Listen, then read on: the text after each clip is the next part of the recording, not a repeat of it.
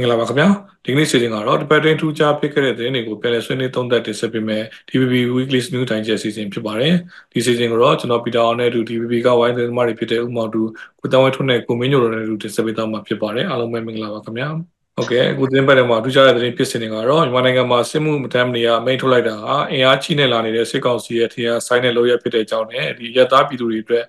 ရန်ကိုအနေနဲ့ကြီးလာပြီလို့မြန်မာလူခွင့်ဆိုင်ရာပြည်သမကအထူးကိုယ်စားလှယ်တုံးအမ်လူကပြောကြားလိုက်တဲ့သတင်းနောက်တစ်ခါဥရောပသမဂ္ဂနဲ့အဖွဲ့ဝင်နိုင်ငံတွေအားလုံးအနေနဲ့ EU အစည်းအဝေးပွဲတွေမှာစစ်ကောင်စီကိုယ်စားလှယ်တွေကိုတက်ခွင့်မပေးဘဲနဲ့ဖယ်ကျင်ထားဖို့အရက်ဖက်အဖွဲ့အစည်း350ကျော်ကတောင်းဆိုလိုက်တဲ့သတင်းနောက်မြန်မာနိုင်ငံသားတွေထိုင်းနိုင်ငံတွေကိုဝင်ရောက်လာရင်ဒါကြိုးစုံမှာဖြစ်ပေမဲ့ ဒီတရားမဝင်လာရင်တော့ဥပဒေအရေးခံရမယ်ဆိုပြီးတော့ထိုင်းဝန်ကြီးချုပ်ကသတိပေးလိုက်တာနဲ့ဒီတိုက်ခံပါတီရဲ့လွှတ်တော်အမတ်ကတော့ဒါစစ်မှုထိုင်းရမှာကိုရှောင်လွဲဖို့ထိုင်းနိုင်ငံတွေကိုပြောဝင်လာတဲ့မြန်မာနိုင်ငံသားတွေကိုကူညီဖို့ဆိုပြီးတော့ပြောဆိုခဲ့တာရှိပါတယ်။နောက်တစ်ခါဒီစစ်မှုထမ်းဖို့အတွက်အမျိုးသမီးတွေကိုလက်တလုံးမှာခေါ်ယူဖို့အစီအစဉ်မရှိသေးတဲ့အကြောင်းနဲ့ဒီပြည်သူ့စစ်မှုထမ်းဥပဒေအရအကျုံးဝင်နိုင်တဲ့ဒီအမျိုးသား6တန်းတွေကမှဒီ6000နီးပါးကိုခေါ်ယူမှာဖြစ်တဲ့အကြောင်းစစ်ကောင်စီပြောရေးဆိုခဲ့ရှိသူကပြောဆိုခဲ့တဲ့တဲ့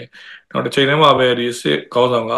စီယူနီဖောင်းအစုံ3,400ကျော်ကိုဒါချုပ်ဖို့ဆိုပြီးတော့စစ်တပ်ပိုင်းချင်းမင်းနဲ့အထက်ဆက်ဝင်တွေမှာဒီစီယူနီဖောင်းဝတ်စုံတွေအရေးပေါ်ချုပ်ခိုင်းနေတဲ့တဲ့နောက်ရှမ်းပြည်နယ်အတွင်းမှာနေထိုင်တဲ့ဒီသက်ဆက်ရှင်တွေကနေတော့45နှစ်အတွင်းမှာရှိတဲ့ဘယ်သူမှဆို6နှစ်စစ်မှုထမ်းရမယ်ဆိုပြီးတော့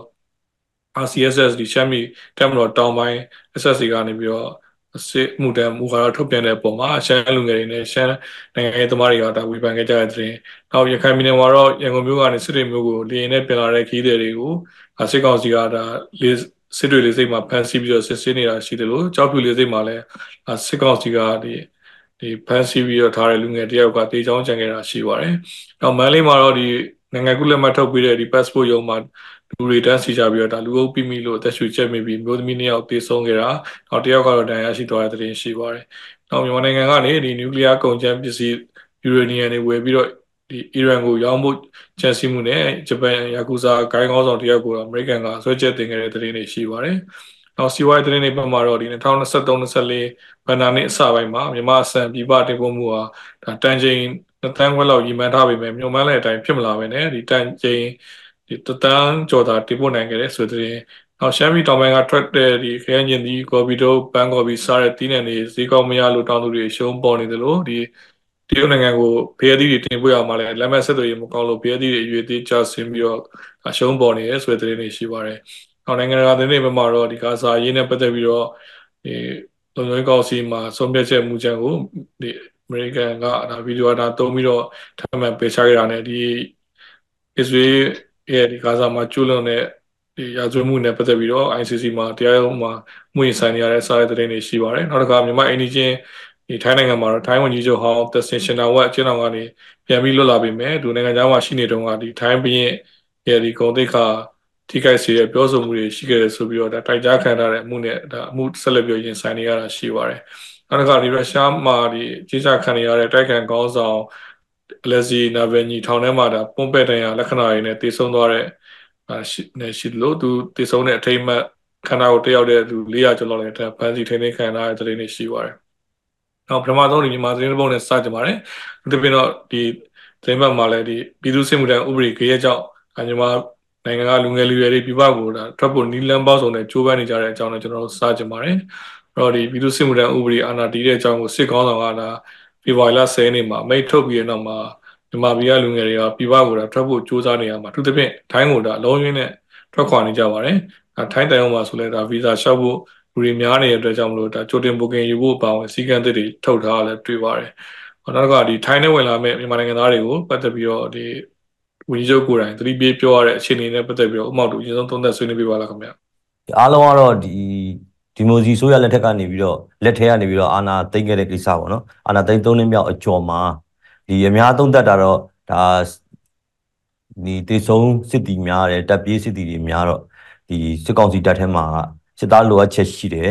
အဲတခြားရွေချက်တွေလည်းသူတို့မှရှိမှာပေါ့နော်အဲအဲ့ဒီတွေနဲ့စစ်သားစမှုမထမ်းမနေရဥပဒေဖေဖော်ဝါရီလ10ရက်နေ့ကနေပြီးတော့ထုတ်ပြန်လိုက်တယ်ထုတ်ပြန်လိုက်တော့အရင်ကတည်းကကျွန်တော်တို့ထိုင်းကိုလာကြတာပေါ့နော် ဟိုဟိုဘက်တရုတ်တို့အိန္ဒိယတို့ဟိုဘက်ခြေနေတဲ့ကိုထိုင်းကဟိုမြန်မာလူသမားတွေနေဆက်ပို့ပြီးတော့ပွင့်တဲ့အနေထားဖြစ်တော့ထိုင်းဝင်လာကြလို့ပုံများနေရကနေပြီးတော့အခုခါမှာတော့ဖေဖော်ဝါရီလ10ရက်သူတို့ စစ်မှုပြည်သူစစ်မှုတန်းဥပဒေပေါ့နော်တိုက်ရိုက်ဆိုရင်တော့ဒီအများပြောနေတာတော့စစ်မှုမထမ်းမနေရဥပဒေလွတ်လပ်ပြီးတဲ့အခါမှာထိုင်းတဲ့ကိုဟိုတရားဝင်လမ်းကြောင်းอ่ะရောတရားမဝင်လမ်းကြောင်းอ่ะရောပေါ့နော်လာကြတာရှိတယ်ဟိုဖန်ခံနေရတဲ့သတင်းနေနေဆက်မှာဟိုအဲ့ဒါမျိုးတွေလည်းကျွန်တော်တို့အခု ထုတ်လွှင့်နေတာပဲပေါ့နော်အဲဒီချိန်တွေမှာထိုင်းတာဝန်ရှိသူတွေအနေနဲ့ကနှစ်တန်ထွက်တာပေါ့နော်ပထမအတန်ကတော့ထိုင်းဝန်ကြီးချုပ်ကနေပြီးတော့ဒီဟိုတရားဝင်တရားမဝင်လမ်းကြောင်းလာလို့ရှိရင်တော့ဖမ်းမယ်ဆိုတဲ့ဥစ္စာပြောကြားလိုက်တာရှိတယ်လို့ထိုင်းအတိုက်ခံအမတ်ကလည်းဒီလူတွေဝင်လာပြီးဆိုလို့ရှိရင်တော့ဗောနော်သူတို့ကိုအလုံးလုံးကင်ခွင့်နေပေးဖို့လိုအပ်တယ်လို့ပြောလိုက်တဲ့လက်တန်းထွက်လာပါတယ်ထိုင်းဝန်ကြီးကိုပြောတာကတော့ဟိုသူတို့ထိုင်းဘက်ကလည်းဗောနော် အရင်အာဏာသိမ်းပြီးသုံးနှစ်အတွင်းမှာလည်းဟိုမြန်မာတွေထိုင်းထဲကိုဝင်နေတယ်ဒီအနေထားမှာအခုထပ်ပြီးတော့လည်းဒီဥပဒေထုတ်ပြီးတဲ့နောက်ပိုင်းမှာအလုံးရင်းနဲ့ဝင်လာရင်ထိုင်းနိုင်ငံ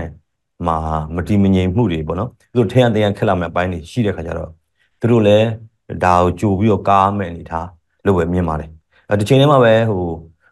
နေဇက်မျိုးတွေမှာလည်းအထူးသဖြင့်မဲဆောက်ပေါ့နော်မဲဆောက်ပါဝင်တခြားနေဇက်မျိုးတွေမှာလည်းစစ်တာတွေစီးတာတွေဖမ်းတာစီးတာတွေဥယျာဉ်ပိုင်းပုံများလာတဲ့အနေထားတွေရှိတယ်ပေါ့ အဲ့ဒီခါကျတော့ဒါထိုင်းဘက်ကလည်းသူ့နိုင်ငံတွေကိုလူတွေများလာပြီးတော့ရေရှည်ဖြစ်လာမယ့်ပြဿနာတွေကိုကြိုပြီးတော့ကားတဲ့သဘောလိုပဲမြင်ပါတယ်အဲထိုင်းဝန်ကြီးပြောတာတော့ထိုင်းနိုင်ငံမှာတော့အလုံးလက်မဲ့တွေကတော့မရှိပါဘူးထိုင်းမှာလုံးလက်မဲ့ရာခိုင်နှုန်း100ရာခိုင်နှုန်းလောက်ပဲရှိတယ်ဒါပေမဲ့လူကဟိုလုံသမားလူအချက်တွေရှိပေမဲ့လူကတရားဝင်လာဖို့တော့လိုတယ်ပေါ့နော်အဲအဲ့လိုမျိုးထိုင်းဝန်ကြီးကလည်းပြောပါတယ်တကယ်တမ်းတော့မြောက်ပြည်နဲ့မဲဆောက်နဲ့ပေါ့နော်တကယ်ကူးရတာဒီတရားဝင်ကူးတဲ့အခါမှာဟို မဲဆောက်မြို့တွင်းမှာ14ရက်စာလေပတ်သွားလာခွင့်ပေါ့သူတို့နေသွားသွားမယ့်နေရာတွေတော့ကန့်သတ်ထားရှိတာပေါ့အဲ့လိုလက်မှတ်တွေလည်းရှိတယ်ရှိတော့အဲ့လိုလက်မှတ်တွေနဲ့ဝင်လာတဲ့လူတွေရှိတယ်အော်ဒီချိန်ထဲမှာပါကျွန်တော်တို့တော့ဒီမြေပြင်မှာတွေ့နေရတာတော့ဟိုတရားကြီးကနေဝင်လာတဲ့အခါမှာဝင်လာတဲ့လူတွေကို assist တွေပိုပြီးများလာတယ်ဒီအဲ့လိုမျိုးလည်းတွေ့ရတယ်ဒီပြန်လွှတ်တာလည်းရှိတယ်ဒီမြန်မာထိုင်းဘက်ကနေပြီးတော့အထိုးနည်းကောင်းမဲ့ဗမာဘက်ကမှာလည်း ဟိုမင်းတို့စစ်မှုမထမ်းမနေရကြောင်ပြေးတာမလားပတ်စံဘလောက်ပေးဆိုပြီးငွေတောင်းတာလည်းပိုကျန်းလာတာတွေ့ရတယ်အချို့ဆိုရင်လည်းပြန်ပြီးတော့သွားမရဘူးဆိုပြန်လွှတ်တာလည်းရှိတယ်အဲ့တော့ဟိုတရားဝင်လမ်းကြောင်းလာတဲ့မြန်မာတွေလည်းငွေညှင့်ငွေတောင်းခံနေရလို့ကျွန်တော်ကြားထိုင်းလေးဈေးရောက်လို့ရှိရင်အဲမင်းတို့ဟိုဗမာပြည်မှာစစ်မှုမထမ်းခြင်းလို့ထိုင်းနေအဲ့လောက်တိနေပြီပေါ့နော်ဟိုထိုင်းလာဝကလာတာမလားမင်းတို့ငွေဘယ်လောက်ပေးပေါ့အဲ့တော့သူတို့ကငွေများတယ်မပေးနိုင်ဘူးဆိုပေးမှရက်နေလူတွေကုံသွားမှမင်းတို့လာခဲ့ဆို အဲဘတ်9000ပေးပေါ့အဲ့တချို့လည်း2000နဲ့တည့်သွားတာရှိတယ်အဲ့တချို့လည်း2500နဲ့တည့်သွားတယ်အဲ့လိုပေးနေရတဲ့အားရတော်တော်များနေလို့သိရတယ်ဗျအဲ့တော့ဒီစစ်မှုမထမ်းမနေရဥပဒေကပြည်တွင်းမှာလည်းဂဲရိုက်တယ်လို့ထိုင်းနိုင်ငံမှာလည်းဂဲရိုက်တယ်ဟိုထိုင်းဝင်လာမဲ့လူတွေမှာလည်းဟိုအပေါ်လန်းကြောင်းအောင်အောက်လန်းကြောင်းအောင်အခက်အခဲတွေအများကြီးရှိနေတယ်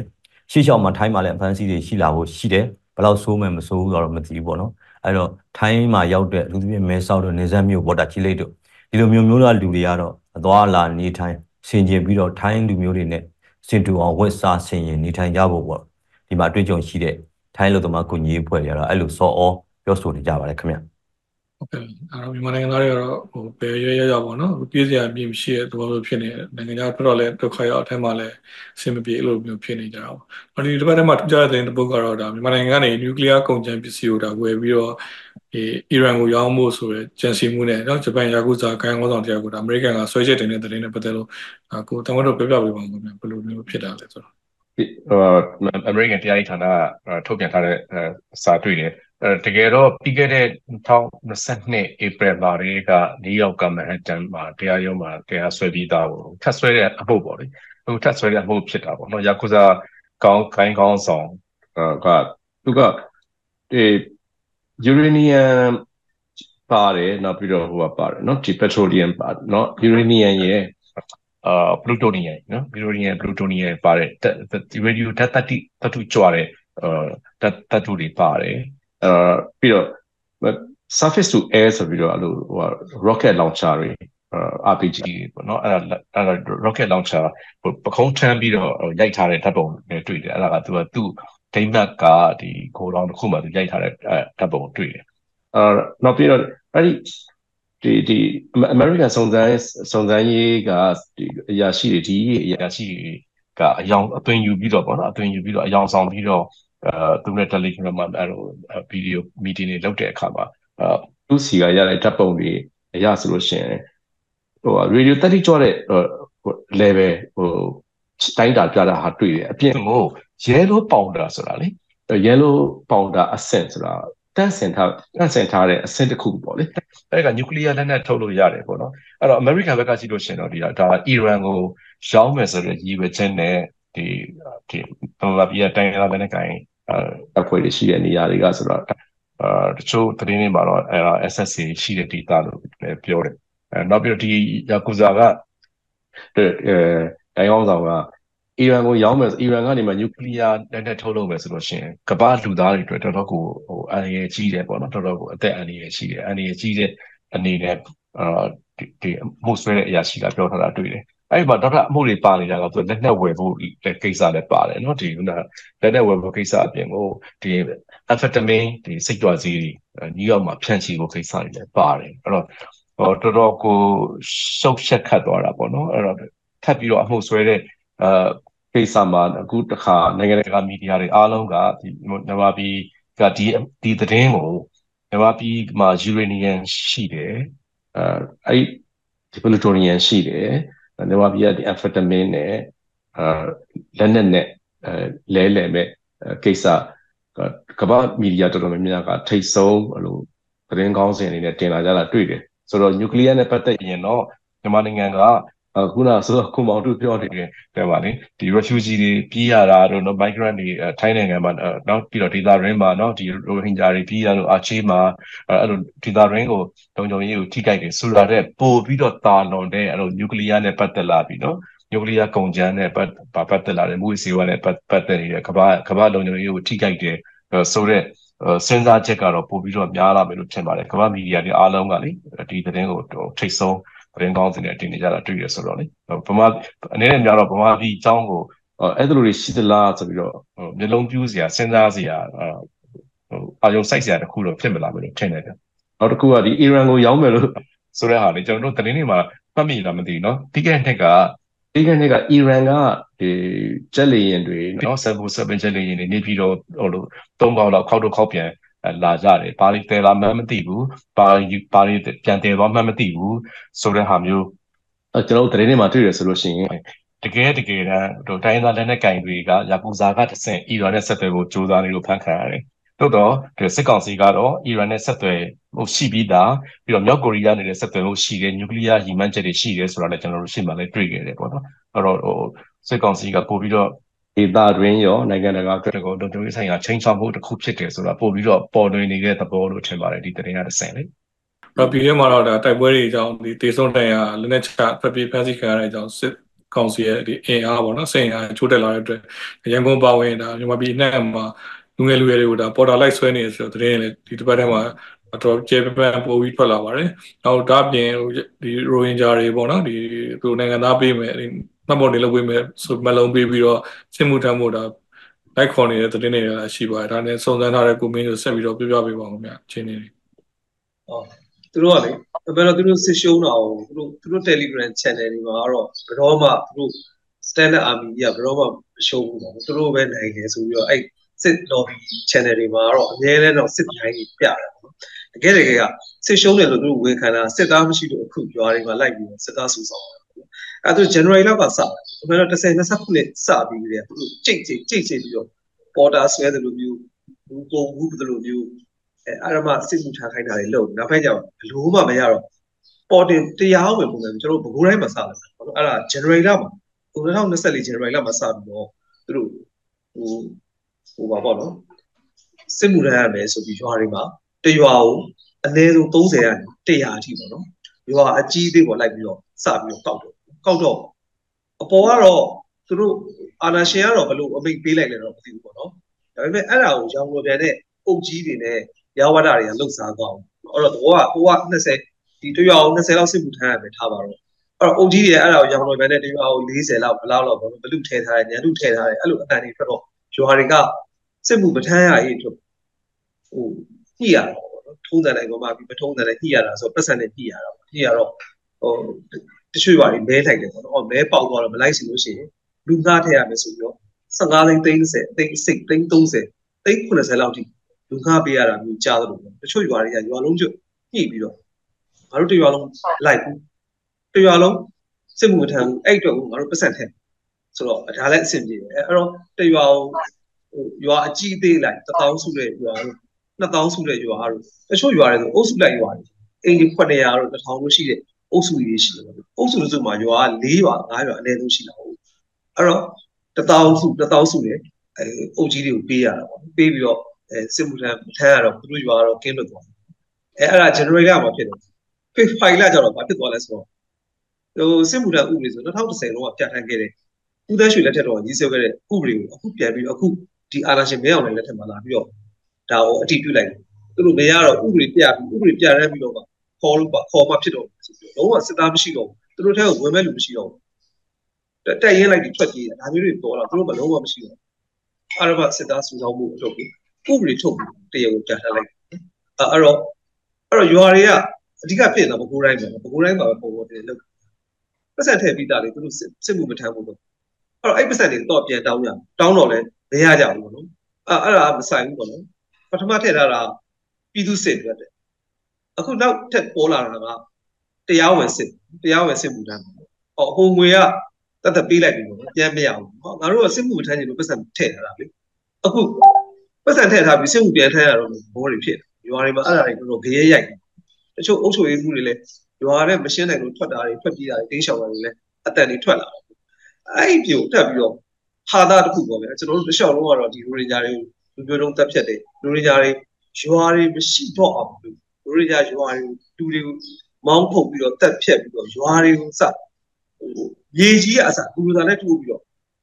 တစ်ချိန်လုံးကဒီမှာရိုရင်းဂျာတွေမရှိခဲ့ဘူးဆိုတော့ဟာမျိုးဖြစ်အောင်သူတို့စနစ်ကြလုပ်ခဲ့တာအဲ့တော့ဒီတစ်လျှောက်လုံးဒီရိုရင်းဂျာဆိုတော့မြန်မာနိုင်ငံသားမဟုတ်ဘူးမြန်မာပြည်ပွားမဟုတ်ဘူးဟောတိုင်းသားလည်းပေးလို့မရနိုင်ငံသားလည်းပေးလို့မရမှတ်ပုံလည်းပေးလို့မရဆိုသူတို့တစ်ချောင်းလုံးអော်လာတာအခုကန့်တယ်မှာဟိုလွန်ခဲ့တဲ့ဖေဖော်ဝါရီလ7နှစ်73လောက်ကနေစစ်တွေမှာရှိတဲ့ကန့်တယ် စစ်သားစုကောင်းမှုရှိပြီးတော့စစ်မှုရဥပဒေတွေခင်ဗျားတို့အခုဟိုစစ်ထဲကိုဝင်မယ်တင်ထဲကိုလိုက်မယ်ဆိုလို့ရှိရင်9000နဲ့စံတအိတ်ရမယ်မှတ်ပုံတွေရခင်ဗျားတို့လည်းနိုင်ငံသားတွေပဲဖြစ်တာပဲအဲ့တော့ကိုယ်နိုင်ငံကိုကာကွယ်ဖို့တောင်းဝဲရှိတာပဲဆိုစကလုံးကိုထုတ်သွားတယ်အဲ့တော့ဟိုတချို့လူတွေညာစုပေါ့နော်တချို့တွေကတော့လက်တလောဒီးရထားအောင်ကြောက်တော့ပါသွားတယ်လူတွေအများကြီးပဲပေါ့နော်အဲ့တော့ကြောက်ပြီးပါသွားတာရယ်ယုံပြီးပါသွားတာရယ် နားရောက်ပြီးပါသွားတာရယ်စစ်တွေကတ်တစ်ခုတွေကနေ400လောက်ပါသွားတယ်အဲ့တော့အခုတော့တင်တဲ့တက်ပြီပေါ့နော်သူတို့ပြန်တော့ရောက်သွားပြီပေါ့နော်အဲ့တော့တစ်ချိန်လုံးကတော့ဒီမှာပြည်ပွားပုံမြန်မာနိုင်ငံသားပုံဆိုပြီးတော့သူတို့မောင်းထုတ်ခဲ့တဲ့လူတွေညာတွေကိုတော့မင်းတို့လည်းနိုင်ငံသားတွေလည်းကိုယ်နိုင်ငံကိုကာဝယ်စောင့်ရှောက်ဖို့တာဝန်ရှိတယ်အဲအခုလိုမျိုးစစ်မှုထမ်းမယ်ဆိုလို့ရှိရင်မင်းတို့နိုင်ငံသားကပေးမယ်ဆိုတဲ့စကားလုံးတွေဖြစ်လာတယ်ပေါ့နော်အဲ့လိုမျိုးပေါ့နော်ကျွန်တော်တို့တိုင်းပြည်ကဟို ကို့အဖြစ်မှန်တွေကိုလည်းကိုမပြောရတဲ့ပေါ့ Telegram channel တွေမှာလည်းကြောက်နေရတယ်ပေါ့ကို့သဘောထားတွေကိုလည်းကိုထုတ်ပေါ်ပြောလို့မရဆိုတဲ့ပုံစံမျိုးပေါ့နော်ခုနကကောင်လူပြောသွားတယ်အခုလက်ရှိသူတို့ထုတ်တဲ့ဥပဒေကြောင့်ပထမတော့ဒါသူတို့ viewer အမြောက်ကစားတာလားပေါ့တင်တော့မဟုတ်ဘူးဗျအခုကတကယ်ကိုလုံးကျွန်တော်တို့ဘက်မှာပို့ဆိုတော့ဘရောင်းမြို့နယ်တင်းမှာဆိုလို့ရှိရင်ဘရောင်းမြို့နယ်စစ်တဲ့14ခုရှိရမြို့နယ်ဖြစ်တဲ့တော့ဘရောင်းမြို့နယ်တော်တော်ဆိုးတယ်ရွာတွေရောအနည်းဆုံး30ရာနေ80တရားအထိအဲ့လိုဆွဲတဲ့ဟာပဲအဲ့ တော်တော်ကိုကျင်းကျင်းတန်းတန်းနေတော့အဲ့မှာအဲ့မှာဆိုလို့ရှိရင်စစ်တင်တန်းတွေလည်းပြီးတယ်ပထမကျွန်တော်တို့ထင်တာဒီစစ်တင်တန်းဆိုတာတနေရာမှာပေါ်သွားပြီးတော့စစ်တပ်တူပဲပြီးမယ်ထင်တာအခုကတိုင်းပြည်လုံးဖြစ်တဲ့တော့သူတို့ကစစ်တင်တန်းကိုရွာမလာပြီးတာကွာဘရောင်းမှာတော့ရွာလေးရွာလောက်ကစစ်တင်တန်းပြီးသွားပြီတချို့တွေတင်တန်းဆင်းပြီးတနက်တူဘာလို့တော့ပေးမယ်လို့ပြောတယ်အခုချိန်ကြီးတော့ဘာမှတော့လက်ဝယ်ရတာမရှိသေးဘူးသူတို့အလုပ်စကားကိုခွဲချပေးတာတော့မရှိသေးဘူးပေါ့ကျွန်တော်တို့ဆက်လက်စောင့်ကြည့်အောင်ပေါ့ဘာတွေဆက်ဖြစ်လာလဲဆို ဟုတ်ကဲ့ပါကျွန်တော်နောက်စီးရေးချင်းနဲ့ပတ်သက်ပြီးတော့ဆက်လက်ဆွေးနွေးချင်ပါတယ်နောက်ပရနီပြည်နယ်ရှာတော့မြို့နယ်တစ်ခုလုံးကိုကရနီတက်တွေကဒါအပိသက်သိမ်းပိုက်နိုင်ခဲ့တယ်လို့ကချင်ပြည်နယ်မက်ဆီမြို့နယ်ဒီစီကံကြီးကျွာနေမှာရှိတဲ့ဒီအခိုင်အမာတက်ဆွဲထားတဲ့စစ်ကောင်စီစကန်ကိုလည်း KNA ပူပေါင်းတပ်တွေကတိုက်ခိုက်သိမ်းပိုက်ခဲ့တာရှိပါတယ်။နောက်တော့ရှမ်းပြည်နယ်၊ကရင်ပြည်နယ်နောက်ချင်းပြည်နယ်စကိုင်းတိုင်းမကွေးတိုင်းနောက်ပဲခူးတိုင်းမွန်ပြည်နယ်စတဲ့ဒေသတွေမှာလည်းဒါတိုက်ပွဲတွေဆက်ပြီးတော့ဖြစ်ပွားနေတာရှိပါတယ်။ရခိုင်ပြည်နယ်မှာလည်းဒါမင်းပြားတို့ ရန်ပြည်တို့ပေါ်နကျွန်းတို့နောက်ရသေးတောင်ပူရီတို့မောင်တော်စတဲ့ဒေသတွေမှာတိုက်ပွဲတွေဆက်ဖြစ်နေပါအထူးသဖြင့်ဒီတစ်ပတ်ထဲမှာဖြစ်ခဲ့တဲ့ဒီရခိုင်ပြည်နယ်စီးအခြေအနေနဲ့ပတ်သက်လို့မှတူဆက်ပြီးတော့သုံးသပ်ဆွေးနွေးပြပါဦးခင်ဗျာ။ဟုတ်ကဲ့ပါရခိုင်ပြည်နယ်စီးရေးအခြေအနေနောက်ဆုံးအခြေအနေကတော့ဒီဖေဖော်ဝါရီ20မှာဆိုလို့ရှိရင်ဒါဟိုရန်ပြဲမှာတိုက်ပွဲတွေဖြစ်တယ်ပေါ့နော်တိုက်ပွဲတွေဖြစ်တဲ့ခါကျတော့ဟိုစစ်ကောင်စီကပေါင်900ဘုံတွေကျေးချတယ်ကျေးချတဲ့ခါကျတော့ဟိုတော်တော်ထိခိုက်တယ်ပေါ့နော်ဆေးရုံတို့ဒီလားရှင်ကျောင်းတို့အဲ လူနေအဆောင်တွေဒါပျက်စီးတာတွေဒါရရတည်ကြည်တာရှိတယ်ပေါ့အဲဒီအချိန်ထဲမှာပဲအဲ့ဒီဒီရမ်းပြဲမှာပဲဒီတိုက်လျင်နေနဲ့ပြစ်တယ်ဘုံကျဲတယ်ဒါမျိုးတွေလည်းသက်ရှိပါတယ်အဓိကတော့ဒီလေရင်ဟိုဗမာပြည်လူတွေကသိတယ်ပေါ့နော်လေရင်သုံးလာပြီဆိုရင်တော့အောက်မှာဟိုတိုက်ပွဲတွေအပြင်းထန်ဖြစ်နေလို့ပဲတိုက်ပွဲတွေအပြင်းထန်ဖြစ်နေရင်လည်းစစ်ကောင်စီကပိတ်မိနေတယ်အကြဆုံးများတယ်လူနာတဲဖို့အဲ့လိုမျိုးတွေလိုတယ်ပေါ့နော်လိုလို့အဆိုးဆုံးချိန်တွေရောက်လို့ဒါဒါလေရင်သုံးပြီးတော့ တိုက်ရတဲ့တိုက်ပွဲဖြစ်တယ်ဆိုတော့ဒါရခိုင်ပြည်နယ်မှာဒီနေ့အထိဖြစ်နေတဲ့တိုက်ပွဲတွေကဘယ်လောက်ပြင်းထန်မယ်ဆိုတော့ခံမှန်းလို့ရပါတယ်ကျွန်တော်တို့အခုခုနရမ်းပြဲမှာတိုက်ပွဲတွေဖြစ်နေသလိုပဲမင်းပြားမှာဆိုလို့ရှိရင်လည်းဒါအမှတ်6တိုင်းဘိုလေးချင်းအကြောင်းအဲဒီကောင်ဟိုတိမ့်ပိုက်နိုင်ရေးအတွက် AA ကတိုက်နေတာရှိတယ်ရခိုင်ရခိုင်တပ်မတော်တိုက်နေတာရှိတယ်ဆိုတော့အဲအဲ့ဒီလေးချင်းအကြောင်းရဲ့ကာကင်းသဘောမျိုးပေါ့နော်အဲကာကင်း၃ခုလောက်ကိုတိမ့်ထားပြီးဆက်ပြီးတော့ရှစ်တိုး ဟိုတိမ့်ဖို့တိုက်ပွဲပြင်းထန်ဖြစ်နေတယ်အဲဒီပုံနှကျွန်းမှာကြတော့ဒီတိုက်ပွဲတွေဖြစ်နေတယ်စစ်ကောင်စီကသူတို့ရဝိုင်းနေရမြို့တစ်ပေါ့နော်ပုံနှချင်းမြို့တစ်အလဲစုကိုသူတို့မီးရှို့နေတယ်အဲဈေးလည်းမီးလောင်နေတယ်အဲတခြားပတ်ပုံးကျင်မှာတော့တိုက်ပွဲတွေဖြစ်နေတာပေါ့အဒေတာတွင်ဖုန်းလိုင်းတို့အင်တာနက်လိုင်းတို့ဒါတွေကလည်းဖြတ်ထားတယ်အခုနောက်ဆုံးသိရတာပုံနှကျွန်းရဲစခန်းကိုတော့ဟိုဒီအေးအေးကတင်ထားလိုက်ပြီဟိုတစ်ချိန်တည်းမှာပဲဒီပုံနှကျွန်းမှာရောရသေးတောင်မောင်းဘူးသီးတောင်မောင်းတော့ ဒီမှာတွေလည်းစခန်းတွေကိုအေးအေးကလည်းနဲ့ချခိုင်းနေတယ်အဲလဲလဲမချတဲ့စခန်းတွေဆိုရင်တိုက်ဝင်တိုက်တယ်ဆိုတော့တိုက်ပွဲတွေတပြိုင်တည်းပဲအခုထီကိုဖြစ်နေပါတယ်ခင်ဗျအဲနောက်ပြီးတော့ဒီအေးအေးတိန်းထားတဲ့မြို့တွေကတော့မင်းပြားတို့ကြောက်တော်တို့ပေါက်တော်တို့ဒီတောင်ပြိုလက်ဝဲတို့ပေါ့နော်အဲဒီတောင်ပြိုလက်ဝဲတောင်ပြိုလက်ရာဆိုရင်ဒါနေချားတောင်တက်တွေလည်းတိန်းထားပြီးပေါ့လေအဲအဲ့လိုတိန်းထားလို့လဲဟိုဒီဘင်္ဂလားဒေ့ရှ်နယ်ဘက်ကိုဟိုစစ်ကောင်စီတပ်သားတွေထွက်ပြေးတော့ပြန်ပို့တာတွေဒီရပိုင်းတွေမှာနော်ဖြစ်နေတာပေါ့ အလုံးမောင်းထွက်ပြေးတာဆိုရင်382ယောက်တောင်ရှိတယ်လို့ကျွန်တော်သိရတာဟုတ်အဲဒီချိန်ထဲမှာပဲဒီဇက်ရည်ရင်တွေပေါ့နော်စစ်ကောင်စီကအင်အားဖြည့်တဲ့တပ်ပြောင်းတက်ရွှေ့အဲဇက်ရည်ရင်တွေကိုလည်းအေးအေးကတိုက်ပြီးတော့နှိမ့်မြုပ်လိုက်ကြလဲ2စီး3စီးရှိတဲ့အနေအထားရှိပါတယ်အဲ့တော့ဒီရခိုင်ဒီကြုံလုံးပေါ့နော်ရခိုင်တပ်မတော်တိုက်ပွဲနဲ့ပတ်သက်လို့ကကျွန်တော်တို့မိနစ်ကပေါ့နိုဝင်ဘာ23ရက်စပြီးတော့စတိုက်တာပါအဲရခိုင်တပ်မတော်ရဲ့တိုက်ပွဲတွေလောက်အောင်မြင်နေတယ်ဆိုတာကလည်း ဟိုအရင်တော့ကတော့သူအေးအေးဆိုအေးတခုတည်းပဲပေါ့အခုကကျတော့သူတို့ညီနောင်မဟာမိတ်၃ဘွဲ့ဆိုပြီးတော့ဖွဲ့ထားတယ်ဒီနောက်နောက်ကနေပြီးတော့ supporting ကတခြားအဖွဲ့အစည်းတွေ supporting လည်းရှိနေတာပေါ့ဟိုကန်တို့ပလောင်ခေါ် TNL လေးပေါ့နော်တအောင်ပလောင်ဖွဲ့တို့အဲဒီလိုမျိုးသူတို့က၃ဘွဲ့ပေါင်းပြီးတော့မှဒီ operation တွေကိုလုပ်တဲ့ခါကျတော့ဟိုဘက်မှာပြစ်ခတ်ရဆက်ထားပြီနဲ့ရခိုင်မှာတော့တိုက်ပွဲရဖြစ်နေတာပဲအဲ့တော့ဟိုခြုံပြောရမယ်ဆိုရင်တော့ရခိုင်ဘက်မှာစီအခြေအနေကစစ်ကောင်စီကတော်တော်ထိထိနာနေတယ်ဒါကြောင့်မလို့ရခိုင်လူငယ်တွေကိုခုနကုံဝင်းညို့တို့ ဟိုတောင်းတို့ပြောသလိုပဲရခိုင်လူငယ်တွေကိုဖမ်းတာစီးတာအေးအေးစီသွားမယ်မသွားအောင်ပေါ့နော်အဲဒီလောက်တာလည်းရှိတယ်စစ်တွေလေစိတ်ကဆင်းဆင်းချင်းကိုပဲအကုန်လုံးလေရင်တစ်စီးလုံးဖမ်းလိုက်တာမျိုးလည်းရှိတယ်စစ်ကောင်စီမှာတော့ရခိုင်မှာတော်တော်ကြိုက်ရိုက်နေတဲ့တိုက်ပွဲတွေလည်းတော်တော်ဖြစ်နေတဲ့အနေထားပါပဲအလားတူနိုင်ငံလုံးမှာလည်းဒီလိုပဲဖြစ်နေတာပါခင်ဗျဟုတ်ကဲ့ပါအဲကျွန်တော်တို့နိုင်ငံသတင်းတွေဆက်ချင်ပါတယ်ဒီပြင်ဒီတစ်ပတ်ထဲမှာဒါရုရှားအတိုက်ခံကောင်းဆောင်ဒီနေဗန်ဂျီပေါ့နော်ထောင်ထဲမှာဒါတည်ဆုံးသွားတဲ့သတင်းကတော့ဒါလူ ဒီနိုင်ငံကစာမျက်နှာမှာတွေ့ရပါတယ်ဒီဒီတည်ဆုံးတဲ့ဖြစ်စဉ်နဲ့ပတ်သက်ပြီးတော့ကိုတော်တို့ပြပြပေးပါဦးခင်ဗျ။ကရှေ့နေပေါ့နော်ရှေ့နေနောက်ပြီးတော့ဒီကျင့်တဲ့ခြားစားမှုတွေကိုတိုက်ဖြတ်တယ်ပူတင်ဟိုဝေဖန်တယ်အဲ့လိုမျိုးနာမည်ကြီးတယ်ပေါ့နော်။နောက်ဒီတော်တော်လေးနာမည်ကြီးတယ်ပူတင်ရဲ့ရန်သူပေါ့နော်အဲသူကပြီးခဲ့တဲ့ဟိုလောက်ကလည်းပြီးခဲ့တဲ့ 2021ကလည်းသူကတခါအစိတ်ခတ်ခံရသေးတယ်အာယုံကြောထိခိုက်တဲ့အစိတ်ထိခိုက်ပြီးတော့ဂျာမန်မှာဆေးသွားကူရသေးတယ်နောက်တစ်ခါရုရှားကိုပြန်တယ်ပေါ့နော်အဲဒီနောက်မှာတော့မနစ်ကသူဖမ်းခံရတယ်ဖမ်းခံပြီးတော့ရုရှားရဲ့မြောက်ပိုင်းမှာထောင်ချထားတာပေါ့အဲပြီးခဲ့တဲ့ဘက်ကပြန်မှာလမ်းလျှောက်ပြီးတော့ပြန်လာပြီးတော့တည်သွားတယ်ပေါ့လေအဲထောင်ကအဲ့လိုမျိုးအဲထုတ်ပြန်တယ်ပေါ့ထောင်အာဏာပိုင်တွေအဲ့လိုထုတ်ပြန်တယ်သူ့အမေကအဲအခုဒီနေ့ တွေ့ရတဲ့သတင်းတွေမှာဆိုလို့ရှိရင်သူ့အမေကအဲ့ဒီမျိုးကိုသွားတယ်သူ့အမေကသူ့သားရဲ့အလောင်းကိုဟိုကြည့်ခွင့်ရတယ်ပေါ့နော်ဒါပေမဲ့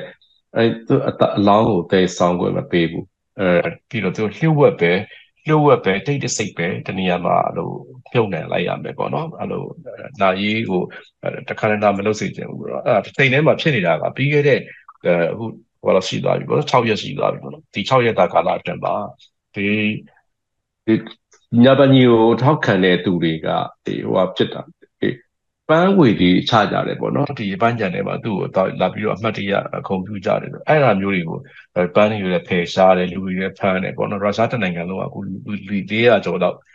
ဖမ်းခံရတယ်လို့ကျွန်တော်တို့ကြားတယ်ပြီးတော့ရုရှားနိုင်ငံမှာရှိတဲ့ American သံမတ်အပါအဝင်ပေါ့နော်သူ့ကိုထောက်ခံတယ်အဲ့နိုင်ငံတကာတိုင်ဝမ်တွေကသွားပြီးတော့သူ့ကိုပန်းပန်းစည်းချပြီးတော့ကွန်ပျူတာလိုက်လည်းတွေ့တယ်အဲ့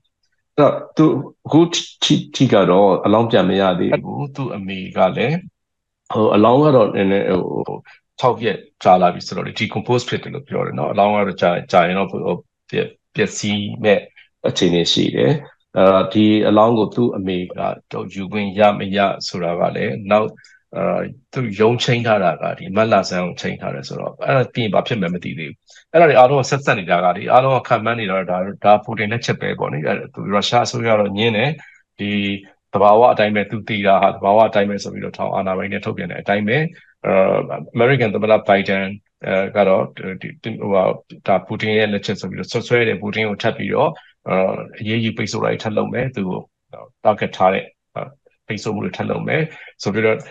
ကြီးညာထားတာတွေ့တယ်နောက်ပြီးတော့အဲ့ပြင်ကိုဒီနာဘနီရဲ့အမျိုးသမီးသူ့ရဲ့မိန်းမနဲ့သမီးနဲ့ကိုဒီဟုတ်ပြီးခဲ့တဲ့အဲရက်ကနော်ဒီအမေရိကမှာသူတို့တွေ့ဆုံပွဲတွေ့ဆုံတယ်ပေါ့တွေ့ပြီးတော့အားပေးတယ်ပေါ့လေအဲ့ဒါတွေ့တယ်အဲ့တော့အဲ့ဒါဒီအားလုံးဖြစ်စဉ်ကအားလုံးကမှန်းနေရတော့ပူတင်ရဲ့နိုင်ငံရေးအတိုက်ခံမှန်သမျှကတနည်းမဟုတ်တနည်းတော့တည်သွားတယ်။ဘာကြောင့်မှန်မသိဘဲနဲ့တည်သွားတာရှိတယ်။အဲဟိုက precaution ဆိုလို့ရှိရင်တော့ဒီကလာပိုင်းနေရလေ လေရင်လေရင်ပေါက်ကွဲပြီးတော့တည်သွားတယ်ပေါ့နော်သူအဲသူစစ်တပ်ကနေပြီးတော့သူ့အာခံတဲ့အဲ precaution ဆိုလဲအဲ့လိုတည်သွားတယ်ရှေ့မှာလည်းနိုင်ငံရေးတိုက်ခံတွေကအစိတ်တစ်မျိုးမျိုးကြောင့်တည်သွားတယ်ပေါ့နော်ပူတင်ကိုဆန့်ကျင်တဲ့သူတွေပူတင်နဲ့တိုင်ဘက်ဖြစ်လာနိုင်တဲ့သူတွေပေါ့နော်အဲအဲ့ဒါတွေအားလုံးရဲ့အဲလာရကဘယ်လိုသွားလဲဆိုတော့ပူတင်ကဒီလာနောက်တစ်လလောက်ဆိုလို့ရှိရင်သူတို့ရုရှားပါဟိုရွေးကောက်ပွဲရှိတယ်အဲ့တော့ရုရှားရွေးကောက်ပွဲမှာပူတင်ပဲအနိုင်ရမဲ့ ဘောဖြစ်နေတယ်ပေါ့နော်လောလောဆယ်ကလေပူတင်နဲ့အားပြိုင်နိုင်မဲ့သူတွေမှန်လို့မရဘူးလေအကုန်လုံးရှင်းထားပြီးသားဖြစ်နေတယ်ပေါ့နော်ဟုတ်ကဲ့ပါနောက်ကဒီဂါဇာစစ်ပွဲနဲ့နော်နောက်ဆက်တွဲဒီတခြားစိတ်ဝင်စားစရာရှင်းလဲပြောပြပေးပါခင်ဗျာဂါဇာဂါဇာဟုတ်ကဲ့ဂါဇာဂါဇာမှာလည်းအခုကျွန်တော်တို့တွေ့နေတာအခုနေတိုင်းနေတိုင်းတွေအဲ့လိုဘုံကျဲတိုက်ခိုက်နေတာတွေကနောက်ဆုံးတော့လေဒီဂါဇာကမ်းမြောင်ကလေဒီမိုင်မိုင်30လောက်ရှိတဲ့ အဲကမ်းမြောင်မှာအိုးမြောက်ပိုင်းရင်စပြီးတော့တိုက်ခိုက်လာခဲ့တာနော်အခုဆိုလို့ရှိရင်အဲ Rafah ဆိုတာ Egypt နဲ့ဟိုကနေဇာနာကန်နေပြီအဲ့နောက်ဆုံးလူနှစ်သန်းလောက်ရဲ့နောက်ဆုံးရှိနေတဲ့အပိုင်းဖြစ်သွားပြီအဲ့ဒီနေရာကပြီးရင်သူက Egypt တဲကိုပြေးမလားဆိုရင်လည်း Egypt ကလည်းဟိုက chance 0တွေခတ်နေတယ်ပြေးလို့မရဟိုဟိုဘာလဲပင်လေပင်လေသမုတ်တွေကရှိတယ်အဲ့တော့အဲ့လိုအခြေအနေမှာဟိုပါအမေရိကန်ကလည်းပြီးခဲ့တဲ့ဘိုင်းတွေကကျွန်တော်တို့တွေ့တယ်ရက်သားတွေကိုလွတ်မြောက်နိုင်ဖို့အတွက် plan သေချာစီစဉ်ဆွဲပြီးတော့ မတိုက်ခိုက်ပါပေါ့နော်အခုဖြစ်နေတာကပြီးခဲ့တဲ့ရက်ပိုင်းကလည်းလုံခြုံရေးကောင်စီမှာဒီဂါဇာမှာလူသားချင်းစာနာထောက်ထားမှုအကူအညီပေးနိုင်ဖို့အဖြစ်ခတ်ရအနည်းဆုံးယာယီဖြစ်ခတ်ရစဲဖို့ဆိုပြီးတော့တောင်းဆိုနေကြတယ်ပြီးတော့ချက်ချင်းပြစ်ခတ်ရစဲဖို့ဆိုတောင်းဆိုနေကြတယ်ပေါ့နော်အဲ့တော့အမေရိကကဗီတိုနဲ့ပိတ်ထားတယ်ဗီတိုနဲ့ပိတ်ထားတယ်သူတို့ဒီအပြစ်ခတ်ရစဲတာဟာ ဒီ Hamas အကြမ်းဖက်သမားတွေကိုအသက်ရှင်ခွင့်ပေးတာဖြစ်တဲ့ Israel လုံခြုံရေးနဲ့ဆိုင်တဲ့စသဖြင့်ပေါ့လေအဲအကြောင်းတွေကတော့တစ်ဆက်တည်းကအဲ့လိုကပ္ပနိုင်ငံပေါင်းများစွာကဒီနိုင်ငံပေါင်း50လောက်ရှိမယ်အခုရက်ပိုင်းမှာပဲအဲတောက်လျှောက်တွေ့နေတဲ့ဒါကအခု3လေးရှိပြီးတော့ရှောက်တွေ့နေတာက the hate မှာနော်ဒီ ICJ နိုင်ငံတကာတရားခုံရုံးမှာနိုင်ငံပေါင်းများစွာကဒီပါလက်စတိုင်းမှာ history ရဲ့ကျူးကျော်မှုတွေ history ရဲ့ဟို လွန်ခဲ့တဲ့နှစ်1960ကျော်တွေကအားရ history စစ်ပွဲတွေကတင်စီထားတဲ့ဟာတွေပါလက်စတိုင်းမှာ history တွေကအခြေချနေတာတွေပါလက်စတိုင်းကိုအုပ်ချုပ်ထားတာတွေပါလက်စတိုင်းရဲ့ယက်တီခွင့်နဲ့ပတ်သက်ပြီးတော့ဒီ self determination ဆိုတဲ့ဆိုတော့ကျွန်တော်တို့ခဏခဏတွေ့ရတယ်ပြီးတော့သူတို့မှာခုခံကာကွယ်ပိုင်ခွင့်ရှိတယ်ဆိုတဲ့သဘောမျိုး ICJ မှာဆွေးနွေးနေကြတာတွေ့တယ် ဟုတ်ကဲ့ပါလာမယ့်သတင်းပတ်တွေမှာလည်းမြန်မာနဲ့ကမ္ဘာမှာအချိန်နဲ့များဖြစ်ပျက်နေတဲ့သတင်းတွေနဲ့ပတ်သက်ပြီးတော့ဆက်လက်ဆွေးနွေးဖို့ရှိတဲ့အကြောင်းတင်ပြရနေပဲဒီ season ကိုဆုံးသက်လိုက်ပါစီခင်ဗျာဒီ season မှာအပေါင်းဆွေးနွေးပေးခဲ့ကြတဲ့ DBB ဝိုင်းတော်သားအားလုံးကိုရော DBB ပေးသက်တွေအားလုံးကိုလည်းအထူးပဲကျေးဇူးတင်ရှိပါရခင်ဗျာ